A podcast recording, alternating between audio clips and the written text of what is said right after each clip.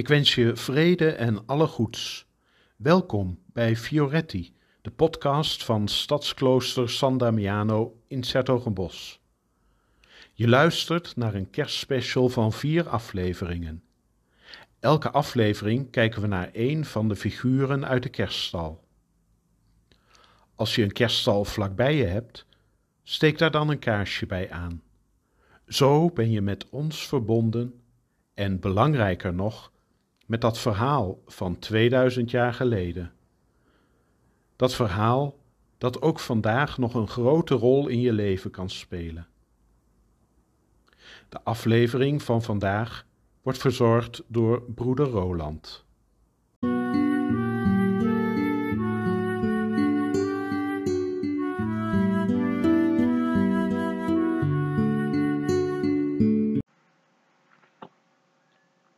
Voor mij is kerstmis niet denkbaar zonder een kerststal of een kerstgroep. Als kind vond ik het fijn dat er een kerstboom was, maar de kerststal was toch wel het hoogtepunt. Later, toen ik op de kamers ging, moest ik dat missen. Maar had ik gelukkig nog wel een kerstkaart en anders nog wel een Bijbel die ik opensloeg op de bladzijde met een mooie afbeelding van het kerstverhaal. Nog steeds kan ik met mijn ogen langs de diverse figuren in de kerststalgroep dwalen de herders, de ezel, de os en natuurlijk Jozef en Maria, met als centrum het kind in de kribbe waar mijn ogen dan rust vonden. Ooit kreeg ik zelf het verhaal van de wondere kerstnacht verteld. Nu mag ik anderen inleiden in het geheim van de kerstnacht. Ik vind het bijzonder mooi als ik kinderen mag vertellen over de kerststal en het verhaal mag ik u meenemen in zo'n rondleiding aan wat ik dan vertel. Als de kinderen binnenkomen, dan laat ik ze de kerststal zien. En ook in het bijzonder vertel ik iets van waarom volgens mij ook Jezus in een stal geboren moest worden. Want uh, de overgrootvader, zeg maar de opa van Jezus, dat was zelf ook Iemand die vertrouwd was met de stal. Dat was een herdersjongen, David. Een herder die zijn bereid was zijn leven te geven voor zijn schapen. Zelfs dat schaap dat heel erg vervelend was en afdwaalde. Daar ging hij naar op zoek, was hij bereid voor zijn leven te geven. En die herdersjongen, David, werd door God uitverkoren om koning te worden. Koning David. Een koning die bereid was zijn leven te geven voor al degenen die aan zijn zorg waren toevertrouwd.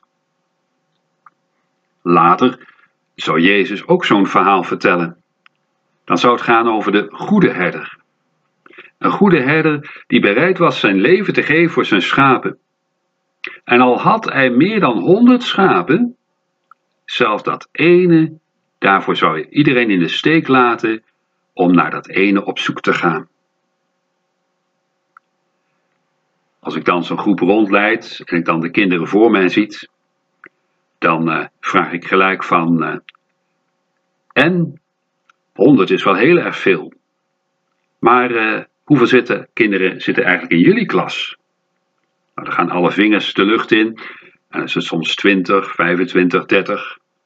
En dan zeg ik wel eens van nou, stel nou dat jullie juf straks weer terugkomt op school. En die begint dan alle kinderen te tellen.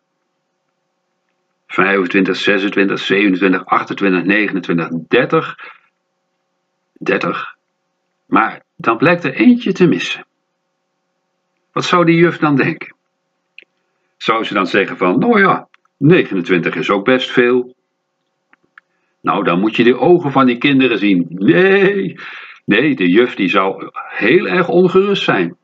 Die zou uh, vragen aan uh, een andere juffrouw of meester van, om even op de kinderen te letten. En die zou zich dodelijk ongerust op zoek gaan naar dat ene kind totdat ze het gevonden heeft.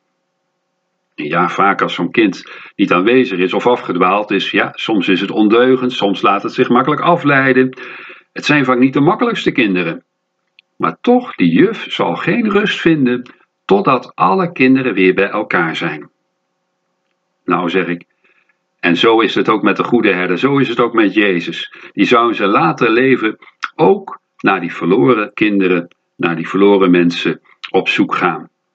En hij zou geen rust vinden totdat hij iedereen erbij heeft gehaald. Zelfs ook degene die we misschien liever kwijt dan rijk zijn, want iedereen hoort erbij.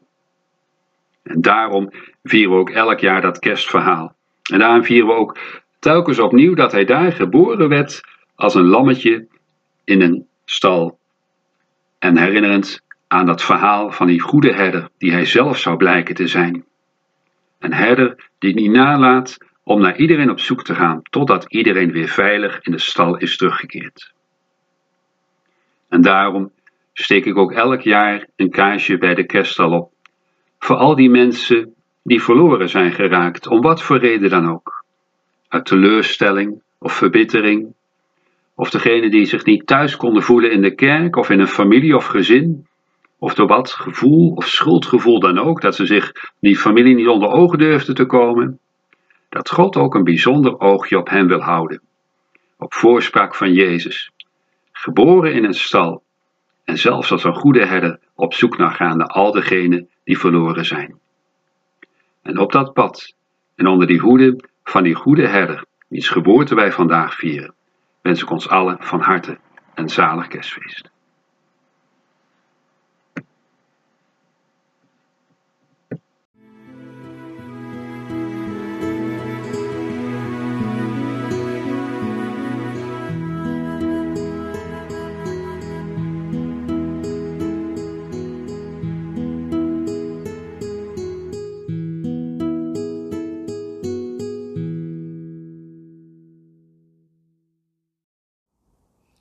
Bedankt voor het luisteren. En mocht je een Franciscaanse kerstviering online willen meebeleven, dan wijs ik je graag op het YouTube-kanaal Assisi aan de Maas. Op 24 december is daar om 21.30 uur de viering van onze broeders in Megen te zien. Dan wens ik je als laatste vrede en alle goeds in deze kersttijd.